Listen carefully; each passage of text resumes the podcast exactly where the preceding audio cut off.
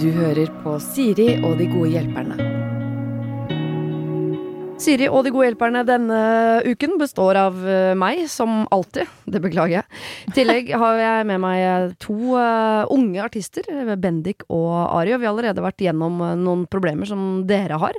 Det slapp vi på onsdag. Ari er jo har hjemmekontor, hvis man kan si det om musikere, og bor vegg i vegg med en som har misfoni, som vil si at man blir Altså, man har diagnosen 'jeg blir aggressiv av lyd', som jo ikke er verdens beste nabo å ha når man driver med å lage lyd. Eh, Bendik, du eh, syns det er vanskelig å ta telefonen, og det er et eh, problem du deler med ganske mange. Så jeg tror det er masse forståelse der ute, men jeg er enig med at du skal innimellom ringe i hvert fall de du er glad i, når du er ute og går eller kjører bil. Mm. Ja. Ellers så er jo tekstmelding Det er jo noe med Vi har funnet opp noe som er bedre enn samtalen. Tekstmeldingen. Det blir som å skrive på skrivemaskinen når PC-en har kommet. Vi må ikke holde på med det så mye. Ok. Nå skal det handle om andres problemer. Mm. Første problem heter Bryllup er dyrt, ass. Åh, Mm. Hei, Siri. Jeg trenger hjelp og råd. Min samboer og jeg er invitert til bryllup til sommeren til en venninne jeg gikk på folkehøyskole med for åtte år siden. Veldig hyggelig å bli invitert, men jeg er usikker på om jeg skal dra. Saken er den at jeg vet ikke om jeg vil dra. Altså bruke masse penger på å reise timevis med fly, for så å leie bil, bo på hotell, gave, alt som følger med, og bli invitert til et bryllup, da. Det blir dyrt, og jeg vet ikke om det er det jeg vil prioritere å bruke penger på, midt i flere oppussingsprosjekter her hjemme. Min samboer har aldri truffet brudeparet og vil nok prioritere å ikke reise. Han har ikke penger til det, og han har flyskrekk, så da må jeg eventuelt reise helt alene. Selv har jeg lite til ingen kontakt med denne venninnen min, men jeg føler jeg burde reise siden jeg tross alt er invitert. Jeg merker at jeg leter etter unnskyldninger for å ikke dra, og lurer på hva dere tenker jeg burde gjøre. Er jeg kjip? Gnien? Lat? Om ikke, hvordan kan jeg eventuelt formulere et svar om jeg ikke kommer? PS, det er ikke aktuelt å kjøre egen bil hele veien, da det tar 15 timer. Hilsen Vingle-Petra. Oh. Eh, Det er veldig fristende å bare gå rett på at eh, det høres ut som at økonomi er en god nok unnskyldning. Det må jo være greit det for en som gifter seg, at eh, folk ikke har råd til å reise. Ja. Ja. Og bare skrive det, rett og slett. Det blir for dyrt for meg å reise så langt. Jeg beklager, liksom, jeg er for alltid takknemlig for ditt vennskap, aktig. Mm. Men det eneste er jo, hvis det er reunion liksom i folkehøyskolen, er det liksom noe annet man kan finne glede i der, som gjør at det blir mer verdt det? Mm. Ja. ja, for jeg er litt delt på det. Men sånn, herre, det er så, dette er grunnen til at man innimellom kvier seg for å invitere folk i, i bryllup og, og fest og moro. For man veit at det sitter noen i andre enden av en invitasjon og er sånn «Øh, Jeg må kjøpe ny kjole, blir så dyr. Sånn, ja, unnskyld, da! Sorry at jeg plager livet ditt. Det er godt ment, men uh... Kan, ja, innimellom så kan du, kan du ikke bare finne de pengene og komme opp og ha det gøy. Men det er klart, hvis ikke du har lyst til å dra i et bryllup, så skjønner jeg at det sitter langt inne å bruke masse penger på det. Men føler det er én ting vi burde ha visst litt mer om, det, og det er hvor mange venner bruden har. Fordi Ja. hvis du er invitert, så Mm. kan det være at hun ikke har så mange venner. ja. Og da burde hun dra for å være grei.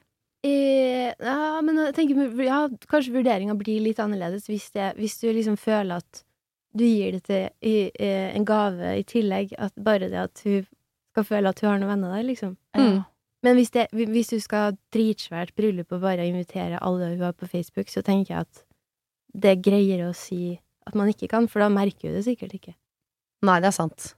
For det er noe med Jeg tror man som brud også vil at alle som er her i dag, er her fordi de har lyst, Mm. og fordi de har lyst til å feire kjærligheten, og vi er glad i hverandre. Mm. Mm. Hvis det sitter en sånn en som er litt misfornøyd borti et hjørne, som sitter og, og teller eh, pengene i, lommeboka, liksom, og er litt sånn Ja. litt sånn muggen i et hjørne, tenker jeg at det er greit at ikke de kommer. Jeg ville Mm. ikke satse veldig pris på å ha en sånn gnie ned i høyre hjørne. Nei. Altså, gni, altså gnien er jo en ting, men, men liksom en som er, egentlig ikke vil være der. Ja. Da vil jeg heller at de ikke skal ta seg råd til det. Ja, det er ikke en option, tenker jeg. Å, å bruke alle de pengene som bare sette et hjørne og være sutre som faen. Og bare være skikkelig demonstrativ og sånn. Jeg er her, men jeg kjenner ingen. Komme i dongeribukse og Jeg vil ha mer kake! Jeg skal spise på hvert fall 600 kroner! Skal det være verdt det. Men burde man Jeg, jeg tror det jeg er på jakt etter, er sånn jeg, jeg forstår det med pengene og det med Det er helt greit å ikke komme, men da må man si fra ganske tidlig. Ikke sånn uh, si 'ja, kjempehyggelig, gleder meg innmari', og håpe at det ramler en stein i hodet ditt noen dager før, så du slipper. For det er mye vanskeligere for uh, selskapet å rocke om på sånn tett opp mot, tror jeg. Mm. Ja, absolutt. Men prøv å kjenne etter om du har lyst, fordi når man blir invitert til, eh, å bli invitert til bryllup er egentlig ganske stort. I Mm. bursdag så tror jeg man kan bare liksom røske med seg litt sånn Ja, du er gøy, du kan komme, og du har det alltid gøy med de andre, og det blir bra, og Mm. alle kan Men i et bryllup, da er det et signal om at du betyr noe for meg. Mm. Så selv om ikke vi har øh, hatt noe særlig kontakt de siste åtte årene, så var de, den tiden vi hadde så, såpass liksom spesiell for meg at jeg har lyst til å dele dette med deg. Mm. Mm. Og hvis ikke det er verdt pengene Det, er jo litt trist, da. Ja. Ja. Det er jo et slags veiskille Ja. i vennskapet om at nå går, nå går jeg inn i en ny fase i livet, og jeg vil at du skal være en del av den fasen. Ja. Eller en del av min fremtid, da. Ja. Det er jo ikke bare for, Eller det er jo for å feire fortida, sikkert, men også en invitasjon til å, å liksom bli ordentlig kjent med familien. Eller sånn, det er jo en sånn next level i, sikkert mange vennskap som Mm. liksom Ja, Ja, for det er jo én ting den pengeinvesteringen, men det er også investering i tid og et menneske. Altså, ja. Ja. Det er jo ikke sånn at eh, det nødvendigvis blir så veldig mange bryllup når man er over 60, for eksempel. Er det noe man kan se for seg? Ja, Åh, tenk det hadde vært søtt, da. ja det hadde jo det. Mer av det. Heier på det. Og så tenker jeg at øh, hvis du ikke kjenner noen der, så skjønner jeg at sånn å, å fly til andre kanten av landet og bruke masse penger Mm. på å sitte i bryllupsbord For det må jeg bare si, for at hun kommer ikke til å få snakket noe særlig med bruden. Hun er opptatt. Mm. Eh, Så det må være noen andre der. Hvis det bare er bruden, og så er det noen onkler av hun og noe greier, så kan jeg skjønne at eh, det blir litt svett. Men kan vi Mm. ikke heller Kan ikke vi avtale at vi møtes, eller en annen gang? Eh, Men hvis det kommer masse folk fra, sam- fra den folkeskolen, og at man kan ha det litt sånn Eller ta med den typen, da, og øh, gjør noe mer ut av det. Dra videre på telttur i området, eller Mm. Ja, sant.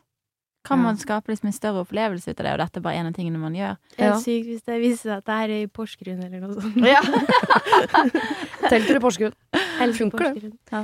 Men jeg, for det, altså, poenget mitt er enten Jeg tror du skal liksom ta inn over deg hvor stort kompliment det egentlig er å bli invitert til det bryllupet. Og da jeg vil at, som avsender av en invitasjon, da, så vil jeg at det komplimentet skal treffe sånn at oi, det var hyggelig, ikke treffe sånn ah, dyrt. Liksom, prøv å snu i hvert fall fokuset på sånn det var utrolig hyggelig, Mm. og så kan etter det komme komme sånn men jeg har ikke anledning. Men jeg vil at du skal prøve å kjenne etter at det er hyggelig. Mm. Det er ikke irriterende å bli invitert på noe fordi det blir vanskelig for deg. Mm. Det er et kompliment. Ja, Men jeg synes det er et veldig godt poeng det du var inne på, at det, det er bedre å bestemme seg nå enn to dager før. Ja. Så hvis det er sånn vondt i magen, ikke har lyst, ting, da er det like greit å bare gi det opp. Ja. Mm. Og så trenger hun heller ikke å forklare hvorfor hun ikke kommer. Nei. Det, det høres fantastisk ut. Det passer ikke. Mm. Mm. Mm. Men hvis hun føler behov for å forklare det, så syns jeg det er en helt gyldig unnskyldning å si sorry, det har jeg ikke råd til akkurat nå. Mm. Nei. Liksom, vi har akkurat pussa opp huset. ja. Det blir for mye, på en måte. Det er veldig rart at det er så tabu rundt penger at man ikke bare kan si sånn det går ikke. Jeg har ikke råd. Ja, ja. Og da blir man sånn Ikke bare føler man seg gjerrig, men da Oi. Var det magen din? Er du sulten? Vil du ha plomme eller noe? Hva plomme det første du kom på? Faktisk. Plomme er digg, da. Når det er digg, så er det skikkelig digg. Men da blir det så mye skam rundt å liksom føle seg gjerrig også, fordi da må man finne på masse sånn tulleforklaringer og løgner. Så, Mm. det, så blir man liksom en sånn grinch, da, oppi Mm. det hele. At man ikke bare kan være ærlig om at man ikke har penger. Mm. Jeg er liksom Ja, det er jeg imot. Eventuelt så kan du jo droppe de pengene. Du må ikke ha ny kjole. Nei. Eh, Du må faktisk ikke gi gave. Det mener jeg helt oppriktig. At man ikke må gi gave i et bryllup. det er masse gave nok å komme når det koster å reise. Og du må sikkert ikke bo på det hotellet. Mm. Så det går an å gjøre en sånn økonomisk variant av dette. dette. Tenk Men- gøy det ja. å våkne opp i telt. Kle på seg eh, findressen, og så Krype ut, en grønn på knæra, og sorry, jeg bor ute i skogen her. Men tenk på det. Tenk, eh, kjenn etter. Er, eh, er det komplimentet så stort at du ser at du faktisk har litt lyst, så se om du får det til økonomisk. Får du det ikke til, så må du si fra nå. Jeg får det ikke til. Ja. Ja. Ok, vi skal enten inn i en boks eller ut av en boks. Hei, jeg trenger hjelp i min kvartlivskrise. Er det, ja, jeg er en kreativ kvinne på 25, står det. Mm. Som ikke finner ut av hva jeg skal bli.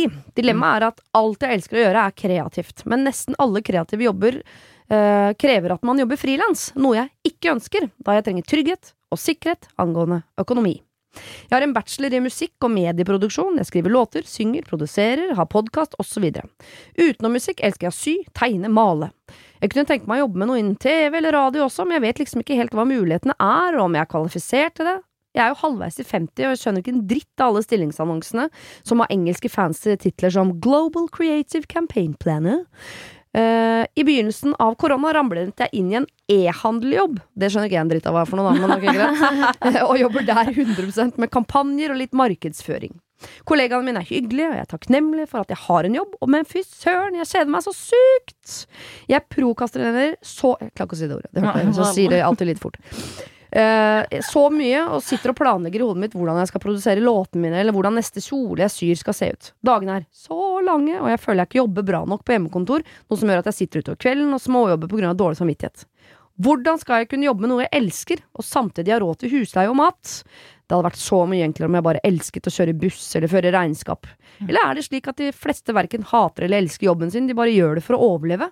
I så fall har jeg fått en brut brutal sannhet slengt midt i mitt snart voksne ansikt.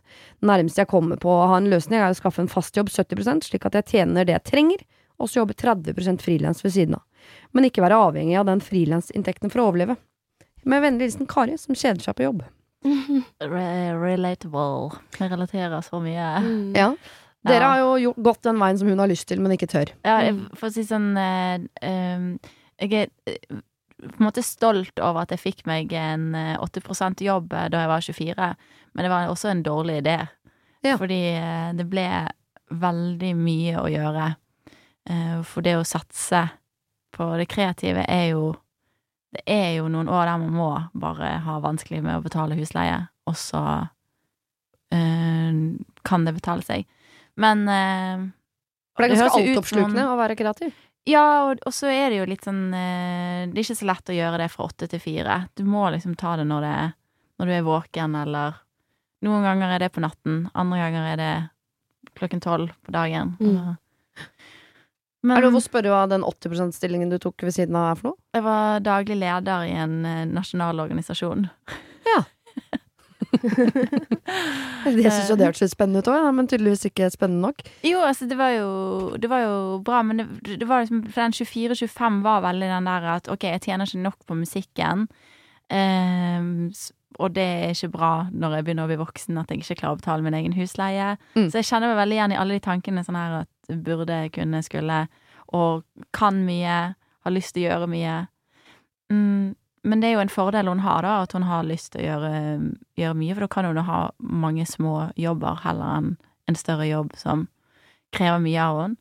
Men jeg tror kanskje jeg ville ha gått heller for en butikkjobb enn en uh, uh, kreativ 70 stilling. Ja. Fordi jobber du i butikk, så er det jo bare å møte opp og dra igjen uten noe mer ansvar. Ikke sant? Ha en jobb som du ikke tar med deg hjem i det hele tatt. Sånn Mm. at når du er alene, så har du hodet ditt for deg selv. Og kan bruke det på akkurat det du vil. Ja, og så er det litt kjedelig å kanskje jobbe i en klesbutikk når det er det du egentlig ikke vil, da. Men eh, så, kan du for eksempel si at det gjør du ett år. Eh, akkurat nok til at det betaler det du må, og så bruker du resten av tiden kreativt. Mm. Jeg tror målet er bra, da. Hun høres jo på en måte ikke ut som hun har lyst til å satse heller. Mm. Hun høres ut som hun har lyst til å gjøre masse forskjellige ting. Mm. Og det, det som for eksempel som å ja, være musiker, da. Mm. Da må du jo på en måte gjøre det hele tida. Mm. Man kan ikke Eller sånn Man kan ikke begynne å ha sånn sykt mange hobbyer, for eksempel, og Eller jeg bare Jeg kjenner ingen artister som har masse hobbyer, for det, det er bare ikke tid. Mm. Så det er litt sånn Ja, jeg vet ikke. Jeg tenker, altså Det å være musiker er sikkert ganske sånn Du må gå uh, all in. Det er ganske altoppslukende. Det krever liksom all, uh, all tiden din, all kreativ kreativiteten din. Mm. Og det er ikke, jeg tipper at for begge dere to så var det ikke noe sånn var, Jeg kunne begynt med keramikk, selvfølgelig. Men det var litt keramikk eller sang. Ja. Så jeg, litt sånn krone eller mynt på det, så ble det sang. Men hun nevner jo andre ting. Altså, akkurat det der musikk, det tror jeg må, hvis, du skal, hvis du skal prøve det, hvis du skal gå den veien, så tar det all tiden din. Mm. Og da tror jeg ikke det nytter å ha det litt sånn som hobby ved siden av engang. Nei. Da må du gjøre det. Ja. Ja. Og må være villig til å liksom spise mm, eh, sodd du har fått sendt hjemmefra liksom, i et år, bare for å komme deg gjennom. Mm. Ja. Men hun nevner en del andre kreative ting, og det må jo være Det fins jo yrker hvor du kan bruke kreativiteten din uten at du må bruke hele deg. Ja. Mm. Og så jeg, jeg legger spesielt merke til det at hun liker å gjøre podkast og produsere, og det høres ut som hun har mye sånn teknisk kompetanse. Mm. Og da, ja, å gjøre sånne prosjekter kanskje heller enn å få seg en faktisk fast jobb. Eh, ting som kan eh, skaffe litt større summer på litt kortere tid, Mm. som man kan leve på en stund. Så ja.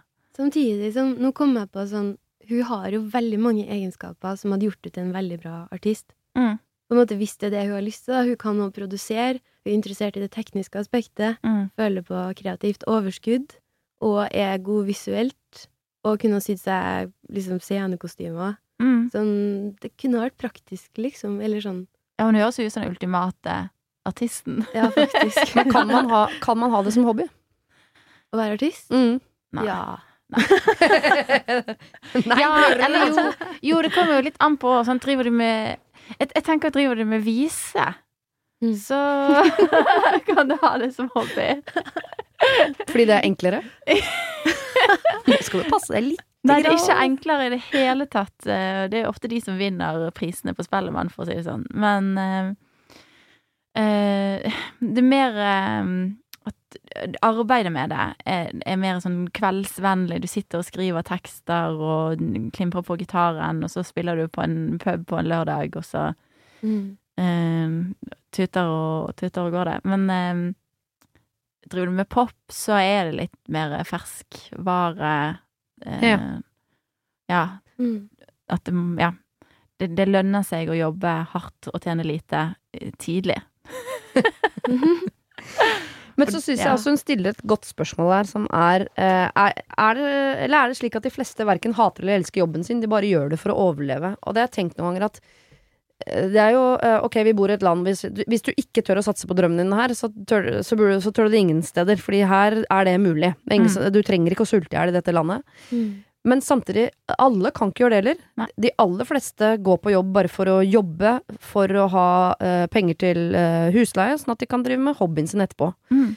Jeg har en kompis som, som er veldig veldig kreativ, som delte inn året sitt i to. Han jobba et halvt år på lager. Han jobba så mye han kunne. Tjente så mye han kunne. Genialt. Og så slutta han, lager, slutta han med det. eh, Og så var han kreativ et halvt år, hvor han bare tjente litt på de kreative tingene han drev med. Og så jobba han på lager et halvt år. Mm. Så, altså, Det Min mann kjører tog, det er ikke fordi han elsker tog. Han, det gjør han åtte timer hver dag, fordi det er det som får hjula til å gå rundt. Og så driver han med de tingene han elsker etter jobb. Ja. Som er meg, da. Nei, det var tull. Finn en mann som Siri har. Oh. Men altså, alle, alle trenger ikke bare fordi du er litt flink til å synge eller ganske flink til å tegne, så, Mm. så kan du godt ha en vanlig jobb.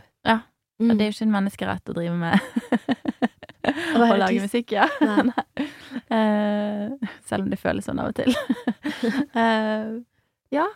Men hva tenker dere når hun er så øh, vinglete på hva hun vil? Hva Jeg tenker du er lurest for henne da? Jeg tenker det er nøkkelordet her, da. Mm. At hun er vinglete.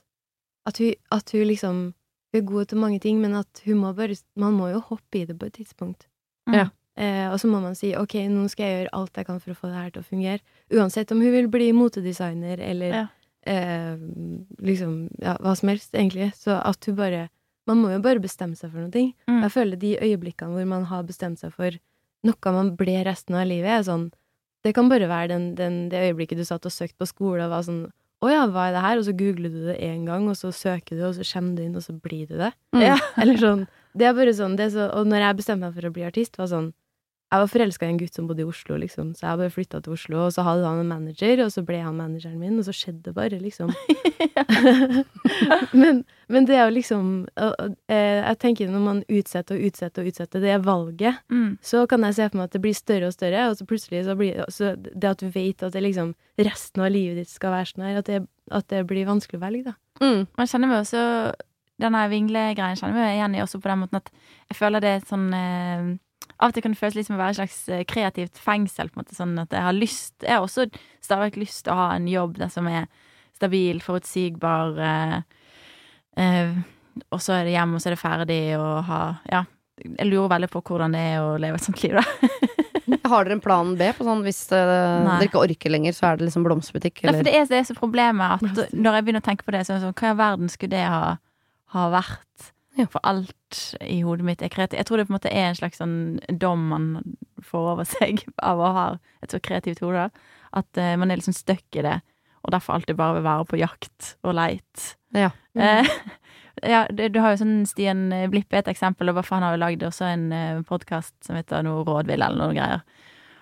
Så man kanskje kan se for seg sånn han har blitt programleder, funnet ut av ting, og så lager han så faktisk en podkast om hva skal han bli når han blir storaktig.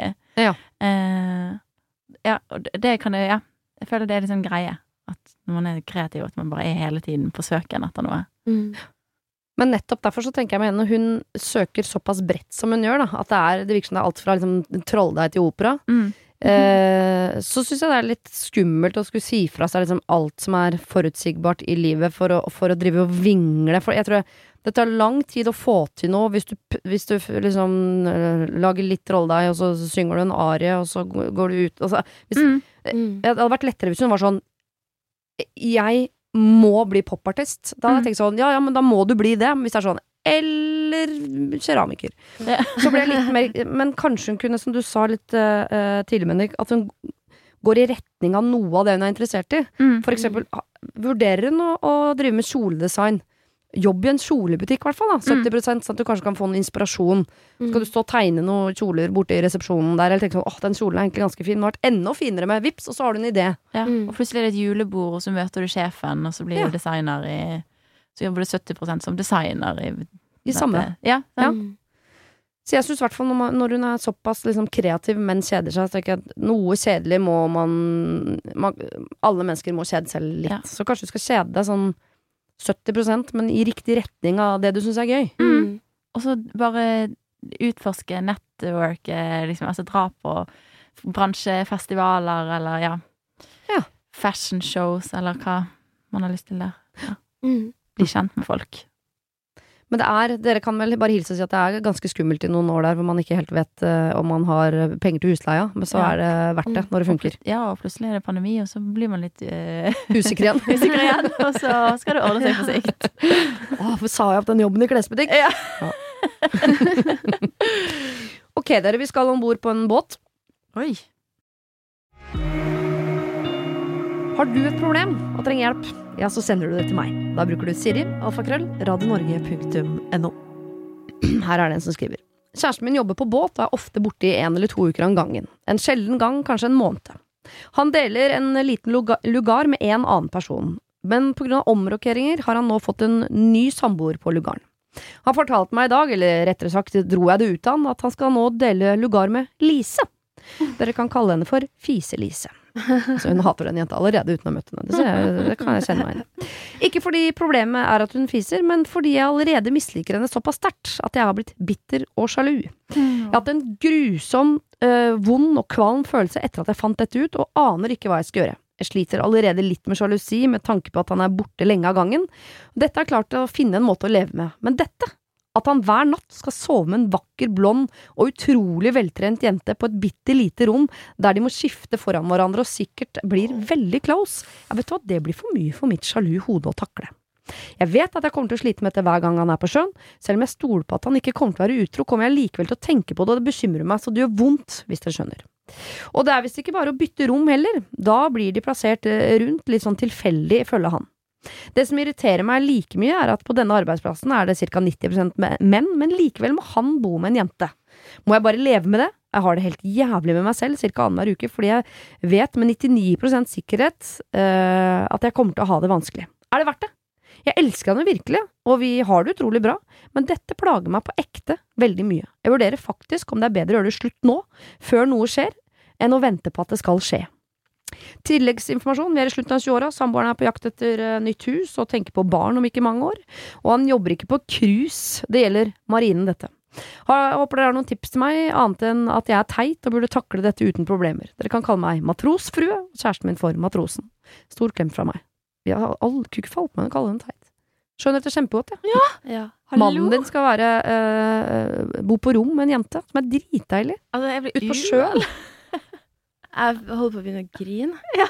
Så, det var bare så vondt. Ja. Stakkars matrosfrue. Absolutt, men hva gjør man da? Sjalusi er jo bare noe man må Du må, hun må drepe Lise. oh, Trodde jeg ikke jeg kunne like deg mer, men nå Det, jeg ser ikke noen løsning. her, Nei, Jeg har ikke lyst til at det skal være sånn, eh, når man tenker likestilling, eller jeg, jeg har jo bare menn i mitt crew og, og band, og har jo til tider delt hotellrom tidlig når vi hadde lite penger, uten at det egentlig Altså um, Ja, det var jo ikke noe problem, det, men, men samtidig så Jeg ville jo aldri gjort det nå. Bare, ja, nei, det, det føles helt feil. Det skal Ja, nei. Mm. Men jeg, liker, jeg er enig med den tanken med sånn Det skal jo egentlig ikke ha noe å si. Det er ikke sånn at hver gang jeg ser hvem som helst mann naken, så blir jeg forelsket i han. Mm. Eh, Så man må jo på en måte bare stole på at Lise er ikke en person matrosen blir forelsket i. Mm. Men det vet ikke matrosfrua. Nei, Ja, må kanskje ja. være der. Han kan si det tusen ganger, ja. men det vet ikke hun. Og tenk så close man blir, da. Ja. Hvorfor har de gjort det her? De må jo ha et ekstra rom sånn at det går an å dele opp. Ja. Og jeg syns argumentet hans for at han ikke Eller for at bytte rom var litt sånn tynt, egentlig. Enig. Med sånn eh, Da kan jeg havne på hvilket som helst rom. Ja. Men det der er jo det verste. Det er mye bedre for hun at han ligger på rom med en som snorker eller promper mye, liksom. Ja. For det er sikkert det han er redd for, da, antar jeg. Ja. Eller sånn. Eller at det blir Hanne istedenfor Lise, på en måte. Jeg, Ja, og jeg skal ikke gjøre matrosfrue mer sjalu enn hun allerede er, men når han skriver, eller han sier at det er visst ikke bare å bytte rom, da blir de plassert rundt tilfeldig. Å ja, så der hvor han er nå er ikke tilfeldig, da, eller? Så han Ja. har bedt om å bo på rommet, Lisa, eller? Mm. Ja, åh. Ja, det var litt tynt, syns jeg.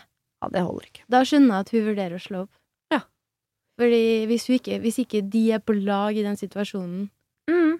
så, eller hvis hun føler seg alene i den situasjonen, Mm. og ikke føle at det er de to mot systemet, eller noe sånt, så skjønner jeg at hun blir usikker, da. Sorry, det her var dårlige nyheter. Jo, men sjalu jeg, jeg, jeg har fått eh, noen hundretusenvis av mail opp igjennom fra folk som er sjalu, og det er veldig lett for ikke-sjalu å si sånn 'herregud, ta deg sammen'. Mm. Men hvis man er sjalu, så er det en ekstremt vond følelse, og det er ikke bare å ta seg sammen. Og man er avhengig av at partner eh, på en eller annen måte tar hensyn til sjalusien. For hvis du er sammen med en fyr når du er sjalu, så sier sånn eh, Ta deg sammen, jenta mi, det får du bare takle. Ja. Det, da, det man ikke skjønner, er at du ødelegger jo ditt eget forhold også. Og hvis hun Ja. skal ha det vondt i de to ukene han er på sjøen, Mm. og så kommer han hjem, det er ikke sånn at hun glemmer det det han kommer inn Mm. døra, så de ukene han er hjemme blir også litt vonde. Ja. For hun kommer til å bruke halvparten av tida på å skule på han for å sjekke sånn ha, Ja. Ramla det en lang lys lokk ned fra uh, capsen hans nå, Mm. eller du syns det lukter Lise av hele fyren? jeg? Mm. Ja. Så uh, han må skjønne at ja, det er hun som er sjalu, men han er også med på å herpe det forholdet ved å ikke gjøre noe med det. Mm. Ja, og så kan eh, Hvis han hadde vært lur nå, så hadde han ordnet opp i det og, og sagt sånn OK, jeg har lært av det. Eh, Ja. Beklager at jeg ikke bare fikset det på Mm. eget initiativ. Ja. Eh, så ja, han burde jo bare gjøre det. Ja, og at, han, og at han ikke skjønte at han Det der er alvorlig, liksom. Ja. Det fortjener at han sier sånn Du, jeg har noen ting jeg må fortelle. Nå setter jeg ned, liksom, og la oss snakke om det. Mm. Istedenfor at hun bare fant ut i en bisetning at det var en jente som het Lise, og så begynner hun å finne ut at hun er veltrent, og at Ja. skal liksom Eller sånn han, han burde jo kanskje sagt det på en sånn Ja. ordentlig måte, da. Mm. Ja, for det gjør det jo bare verre ja, at, at hun har tatt det ut. Ja. Ja, Med Ja. mindre han er sånn fyr som Han har ikke tenkt at det er problematisk engang, Fordi for han så er Lise Knut, på en måte. Ja. Da burde du vært Så han bare sorry, jeg tenkte ikke på at det var Ja, Da, da burde du dumpa med en gang, altså. Hvis han ikke skjønner at det At det liksom En blond Lise i samme seng to uker i strekk, eller ikke sammen, men på samme rom, som basically er samme seng, mm. det, da, da tenker jeg han ikke er verdt noe. Eller å spare på, da. Mm. Nei. Ja. Ja, Han må skjønne dette. Men jeg skjønner at det kan være litt sånn kronglete for han å gå til sjefen om bord. Vet ikke hva det heter, jeg. Mm. Eh, det er vel ikke kaptein i marinen. Samme det. Og si sånn Jeg kan ikke bo på rommet med Lise, for dama er sjalu. Men er ikke det helt fint å si? For jeg kommer til å miste forholdet mitt hvis ikke jeg får bytta rom. Ja. Ja, hvor, eh, ja, men det er ikke Er altså, det flaut å men, si? Vi har jo vært inne Men altså, tabuer, sjalusi Men det er jo så mange som er det, og det er jo menneskelig. Det er jo instinktet. Man passer sitt eget revir. Mm. Det er jo ikke bare å skru av Nei. den følelsen. Ja. Er du en som blir sjalu, så er du en som blir sjalu. Det er jo bare en del av mennesket. Ja. Og da er jo han blitt sammen med dette mennesket. Ja. Mm. Og det må han jo respektere. Ja, ja. definitivt. Og så skal han passe seg for ikke mate det monsteret, på en måte. At hver gang hun blir litt sjalu, så må han liksom øh, ommøblere livet sitt ut ifra det. Men Nei, nei. akkurat dette her Ja. Mm. En dame i sånn Navy-uniform, langt lyst hår, Mm. øh, som sikkert har masse pullups og sånn. Ja. Sikkert dritdeilig. Ja. Skal eh, stå og deile seg inne på en bitte liten lugar i ukevis der ute, hvor han er sulten på det ene og det andre. Det, jeg, La- jeg ser ikke for meg at det er noen suiter de bor i, akkurat. Nei, de er knøttesmå. Ja. La meg bare si først at jeg er for likestilling. Ja.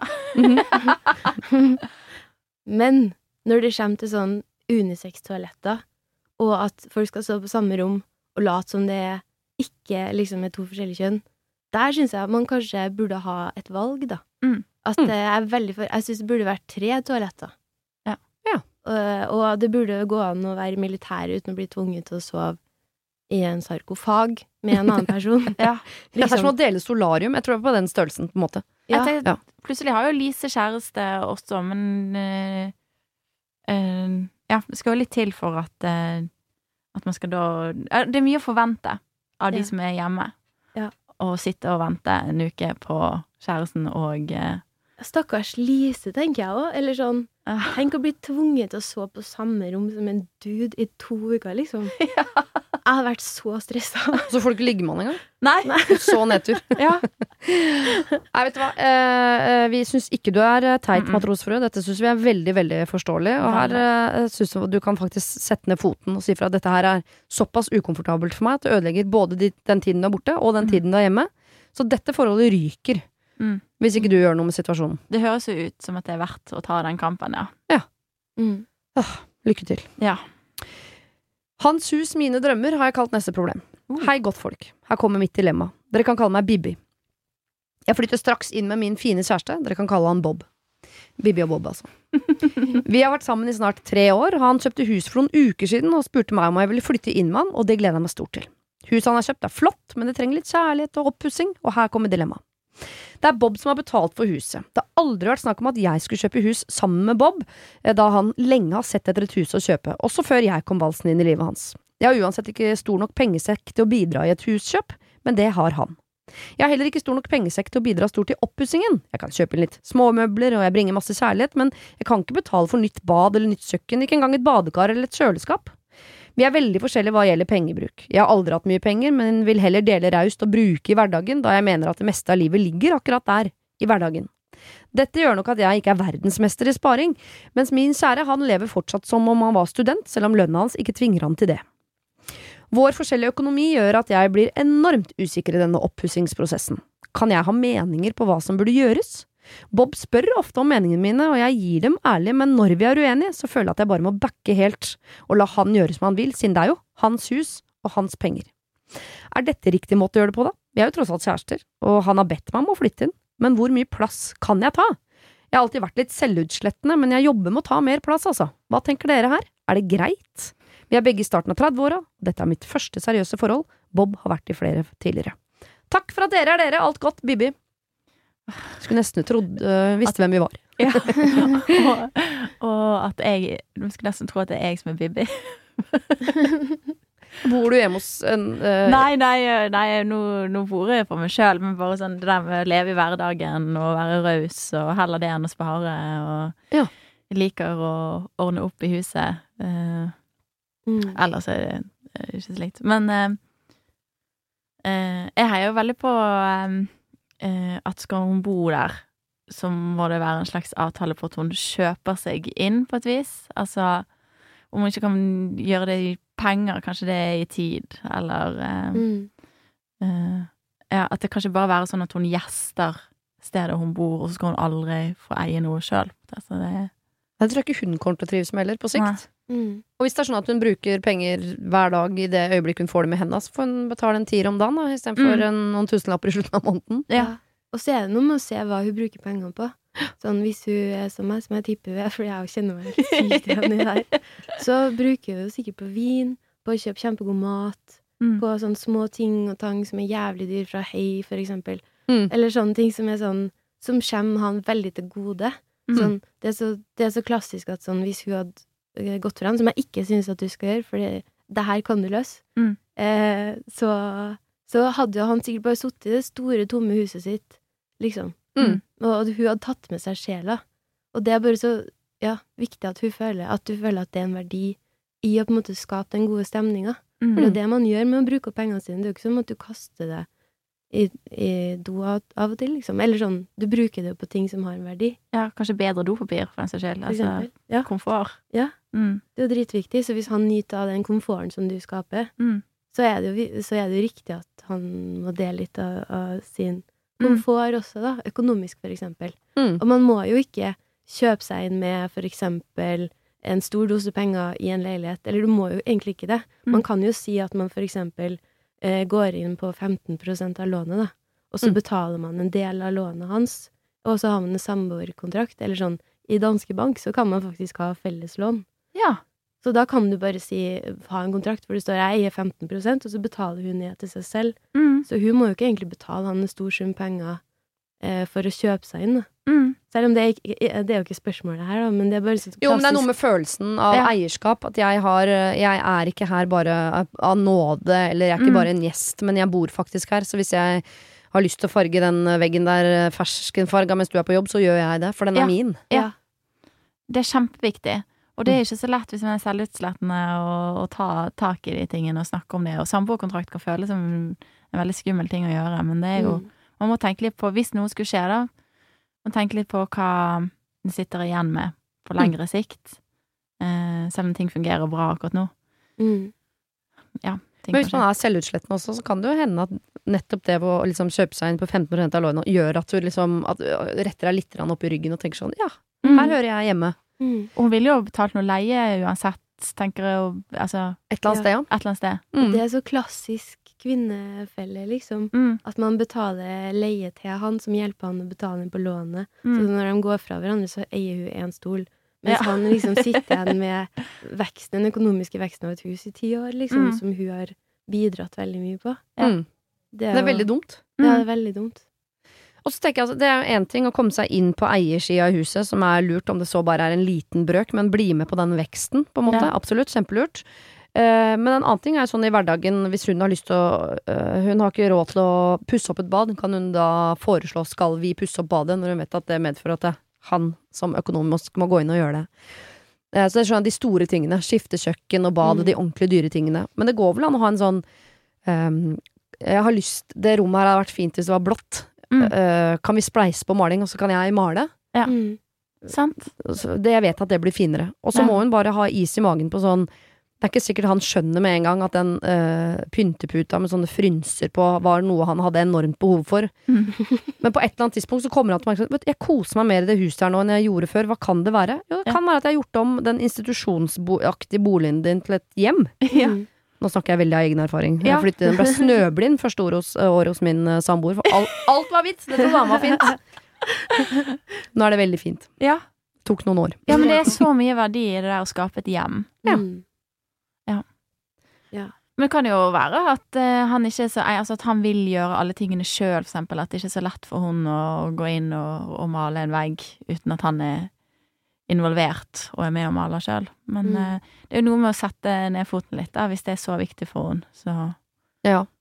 Men, Men da må de bli enige om noen prosjekter de kan ha sammen. Sånn, Mm. du skal vi Ja. pusse opp uh, kjellerstua sammen? Det kunne jo Ja. vært litt koselig. kanskje Ja. lage en slags plan. Sånn uh, Jeg går inn med 5% sånn at vi kan øke lånet om uh, to, to år. Altså, Ja. ja. Og ja, så så bruker man det da tar vi badet. Eller Mm. vi setter av en uke i sommer, da tar vi kjellerstuen. Mm. Mm. Det er en samtale som, som ligger bak her, da, tenker jeg. Mm. Som er eh, hvor lenge har han tenkt at de skal være sammen? Mm.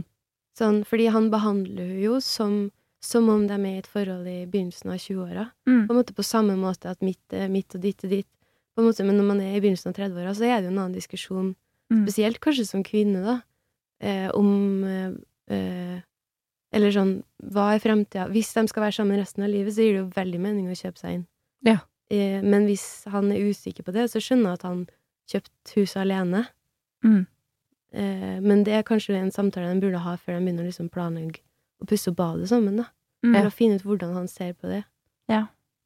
I hvert fall øh, Husker ikke hvem av dere som sa det litt tidligere i dag, men det der, øh, hvor viktig det er å være det teamet. Når man er sammen, så er man jo Mm. et Man er på lag. Ja. Og du som sa det, man er på lag mot Mm. et eller annet. Ja. Og det laget må man jo skape. Og det, uh, i forhold til hva, hvordan skal vi få til at begge uh, trives her? Hvordan skal vi få til at vi skal være sammen for bestandig? Hvordan skal vi få til at dette huset ser fint ut? Ja. Og så må han bidra med sin ting, og hun må bidra med sin ting. Om det er å å eh, Et eller annet kan hun bidra med, et eller annet er hun god på, et eller annet kan hun gi eller ofre eller Ja. inn i dette, som gjør at de sammen har det bedre i det huset. Og tenk så bra det blir etter den praten, selv om det kan være kjempeskummelt å ta den. Mm. Hvorfor det er så alvorlig, altså det er så mye alvor i det, og sårbarhet i det. Tenk så bra det blir etterpå. Ja. Tenk så verdt det det er.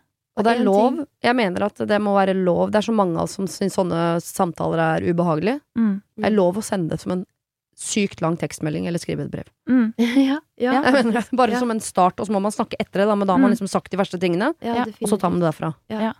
Og en annen ting eh... Nei, shit, nå datt det ut av hodet mitt. Bare glem det. Jeg kjenner på det. Si fra hvis du kommer på det. Ja. Mm. Ok, Men det er viktig det hva man føler. Mm. Og vi lever bare én gang. Jo, nå kom jeg på det. Ja. Et, en veldig en bra måte å si det på kan være, som venninna mi gjorde.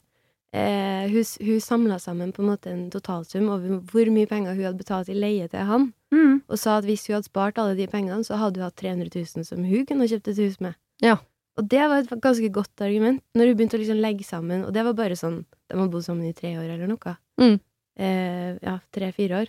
Så da, og hvis du begynner å regne på det og sier sånn om ti år, så har jeg betalt en million til deg, Mm. og da sitter vi med den millionen og eier den. Mm. Og hvis du bare sier det, så gir det jo veldig mening for hvem enn som Eller hvis man er eh, greit skrudd sammen i hodet, så skjønner man jo at det er urettferdig, på en måte. Da er man jo leieboer. Det, vil, det er jo ikke Du vil jo ikke være leieboer hos kjæresten din. Nei. Nei. Hva vil han ha? Ja, sant. Hva vil han ha Mm. Mm. boende hos seg? Ja.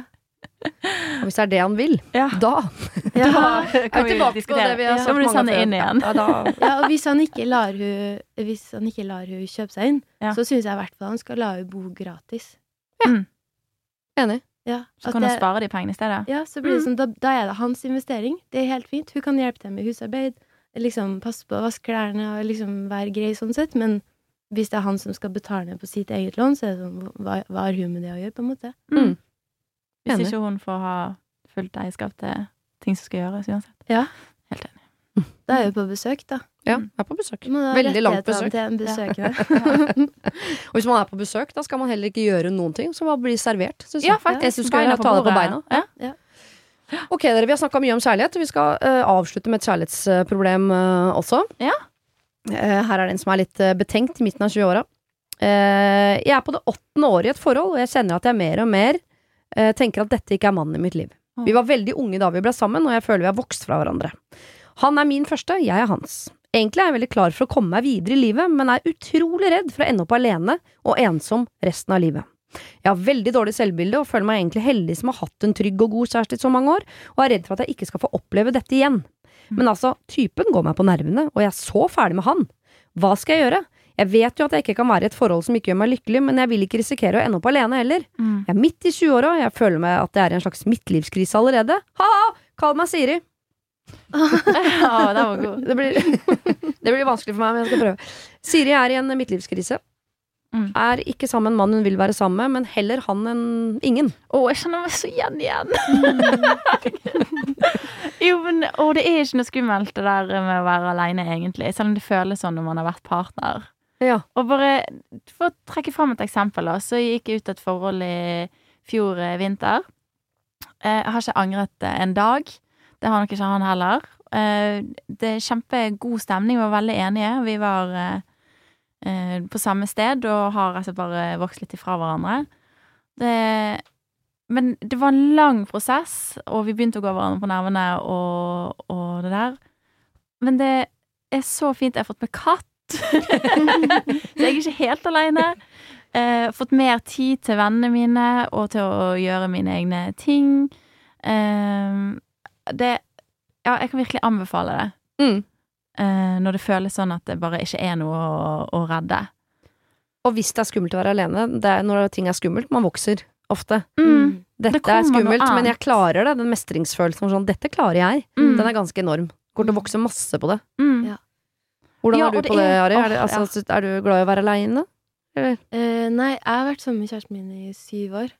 Så jeg skjønner, jeg skjønner den følelsen veldig godt. Eller, kjærest, eller det, kjærlighet føler jeg går veldig sånn i bølger. Av og til er vi kjempenær og, og han er alt jeg tenker på. Av og til så er, vi, så er det mer avstand, da. Um, men tenk sånn, hvis, hvis hun føler seg så irritabel og bitter etter åtte år sammen, sånn, Mm. hva er planen din hvis du ikke skal gå fra han, på en måte? Mm. Skal du bare fortsette resten av livet med en dude du ikke liker? Eller sånn, det er sykt lenge. Det er lenge, Mm. ass. Se se for deg at dere lever til dere er 70, liksom. Skal du gå Hvor lenge skal du kjegle med han? Pluss, hvor gammel var hun? Det er i midten av 20-åra. Sant? Mm. Da har du fem år på å finne Hei, hei, hei. Jeg kødder. Det er jo noe med også å få vist fram Tenk så digg man er når man er liksom i midten av 20-årene og Ja. bare Åh, det Du kan dra til Lofoten i sommer og klatre og det liksom, tenk, tenk alle mulighetene. Se for deg alt du kan gjøre. Ja, og det er faktisk Eller sånn, jeg føler Det er veldig mange som begynner å få barn når man er sånn i trett, rundt Eller sånn etter hvert i 30-åra, i hvert fall av mine venner. Mm.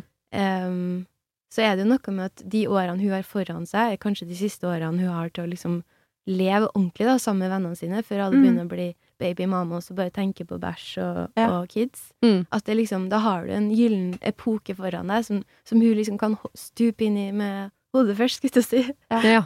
Og så er det jo helt utrolig, fordi man blir jo forelsket igjen. Og den følelsen og den sårbarheten, og det er så skummelt og vakkert og vondt og fint og alt på en gang. Ja. Tenk å få oppleve det igjen istedenfor å sitte og være irritert. Mm. Ja. Og så er det jo eh, eh, det, det var ikke et mirakel. Du hadde ikke flaks. Mm. Du har funnet et annet menneske som elsker deg. Og det er ikke sånn eh, noe man opplever bare én gang i livet. Så det er klart at han her kommer du til å tenke på for bestandig hvis han er din første. Mm. Han kommer du til å tenke på for bestandig, fordi det er noe spesielt som man tar med seg gjennom livet. Mm. Men så kommer han helt sikkert til å treffe andre som kan gi deg helt andre opplevelser. Ja. Eh, Mer trygghet. Og den ensomheten du kanskje må gå gjennom, eller den aleneheten som gjør at du vokser, blir tryggere på deg selv. Jeg tenker, alle mennesker i voksen alder er nødt til å lære seg å takle å være alene. Mm. Mm. Hvis man er så avhengig av partneren sin, tror, jeg tror ikke det er sunt. Nei. Jeg tror man skal ha en partner fordi man velger å være sammen, ikke fordi man ikke tør å la være. Mm.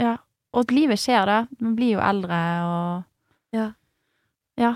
Så da har det vært fine åtte år, da, og så Ja. Hvis det er meningen at de skal finne tilbake til hverandre, så kan de jo gjøre det selv om de ikke er sammen et år. Det. Ja. Ja. det tenker jeg òg. Det skjer nesten aldri, selv om alle sier det. Det er ikke deg, altså. Vi kan prøve gjennom fem år. Det har aldri hørt om at skjer. Aldri hørt om. Ja, men du kan ikke si det sånn. Du kan, kan ikke ha en plan om det. Nei. Men kjæresten min og jeg, vi var sammen i to år da vi var ungdom. Eller ungdommer. Um, og så gikk vi fra hverandre. Eller kan man gå fra hverandre når man er 20? Jeg vet ikke. Jo, jo. Ja, ja. Vi slo opp. Ja. Ehm, og så fikk hver Begge to fikk seg kjæreste på en annen kant, og vi var fra hverandre i fire år. Oi. Og så bare adda jeg han på Facebook. Og resten er historie. Men, um, men ja, så vi er faktisk Eller jeg er sånn det eksempelet som alle mine venner forteller til sine venner. Du er det eksempelet jeg har mangla, Mm. Mm. som jeg aldri hadde truffet før. At faktisk eh, det greiene der går an. Trodde Ja. ikke det gikk an. Trodde det var en myte. Altså Hvis man elsker hverandre etter fire år, eller ti år, eller 20 år, så er det bare å sende melding og si hei, på en måte. Mm. Mamma ble sammen med ungdomskjæresten sin i voksen alder. Ja. Ja. Ja. Men jeg syns også hun skal tenke mye på det du sa om at eh, hvis du er lei av han nå, Mm. du er 25, Mm. du kan bli 100. Det er ganske mange år igjen, og en ting jeg eh, bruker litt tid på av og til, hvis jeg gruer meg til noe, for eksempel, Mm. eh, så prøver jeg å se folk som har fått til det jeg gruer meg til. Eh, og da kan jeg bare gå inn på et kjøpesenter, og jeg bare plasserer den historien på folk.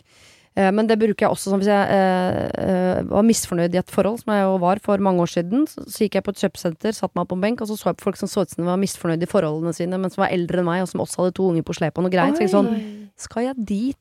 Nei, det tror jeg ikke. Nei. Wow, Og det kan være bare se for deg, liksom. Gå ut, se en, ja. gå på restaurant og se for deg, eller sett deg ved siden av et par som sitter der og er sånn 45 begge to, Mm. som ikke veksler et ord sammen. Du ser at begge er trøtte og egentlig dritter av hverandre, de bare kom seg aldri ut. Mm. Dette kan du plassere på mennesker. Ja. Ja. Og det føles Og jo som å kaste ut på et stup, Ja. og Ja. uten bunn, og du vet ikke hva det er du lander på. Mm. Selvfølgelig. Og- Men jeg mener ja. at det kan være verdt det. Mm. Og en annen ting er at det er ikke så enkelt å være sammen med noen man ikke er forelska i lenger heller. Mm. Jeg spesielt kanskje som kvinne, sånn seksuelt, da, for eksempel. Sånn, det er jo ikke sikkert at det er så deilig å være sammen med noen. Eller sånn den, den dårlige samvittigheten man kan bygge opp hvis man ikke har lyst på hverandre, Mm. og ikke orker å ta seg tid til hverandre, og den dårlige selvtilliten han kan få, for eksempel, av Mm. å bli avvist igjen og igjen og igjen. Sånn, det er ikke, du, du kan ikke være passivt i et forhold i Nei. veldig lang tid uten at det skader forholdet. Man har ikke lyst til å være den personen. Nei. Nei. Og tenk om du skulle ligge med en fyr du er irritert på hele tida. Eller sånn, det er jo sikkert ikke noe nice, det heller. Og tenk for en timing det er nå når de åpner. Altså, man kan Akkurat dra det ut syns og jeg kan være litt ålreit å ligge med folk man syns er irriterende. Sånn, som singel syns jeg det kan være ganske gøy. Ja. uh, men med mannen min så er det veldig sjelden jeg ligger med han jeg er irritert på han. Ja, Det må jeg innrømme. Ja. Men eh, og så syns jeg også det hun skriver, at eh, jeg har veldig dårlig selvbilde og føler egentlig at jeg er heldig som har hatt en trygg og god kjæreste i mange år. Mm. Jeg sånn, Du skal ikke være i et forhold hvor du føler deg heldig Nei, som får lov til å være sammen med han. Mm. Du skal jo være i et forhold hvor du tenker at begge er heldige som får lov til å være sammen med hverandre. Jeg tenker bare den skeivheten i det forholdet her, all den Mhm. irritasjonen og all den skeivheten, Mm. forteller meg at det, eh, det lille skumle det er ved å være ensom og kanskje ikke møte noen med en gang, Mm. det er det verdt. Jeg Det- tror, du det det ville, jeg tror du ville kjent det hvis det var, var noe å kjempe for. Mm. Helt sikkert. Mm. Åh, ønsker deg eh, lykke til eh, alene der ute. Ja, det kommer til å gå bra. Ja, og tenk på Mm. alle andre har fått det til før deg. Ja. Så unikt menneske er du ikke at du er den første i historien som ikke fikk til det. Nei. Det får du til. Nei, det, det, det kommer til å gå bra. Eh, Tusen, tusen eh, takk, Bendik og Ari, for at dere kunne være mine gode hjelpere. Takk for at vi fikk komme og hjelpe. Lykke til med femteplate, førsteplate og alt det som eh, skjer i tida framover. Det blir veldig spennende å følge med på. Mm. Og hvis dere noen gang hører noen synger Math to a Flame i Maskorama, så er det meg. Det er meg. Å, det er så notert! Det er sånn. Det var det. Husk å sende ditt problem til siri at radionorge.no om du vil ha hjelp. Denne podkasten er produsert av Klynge for Bauer.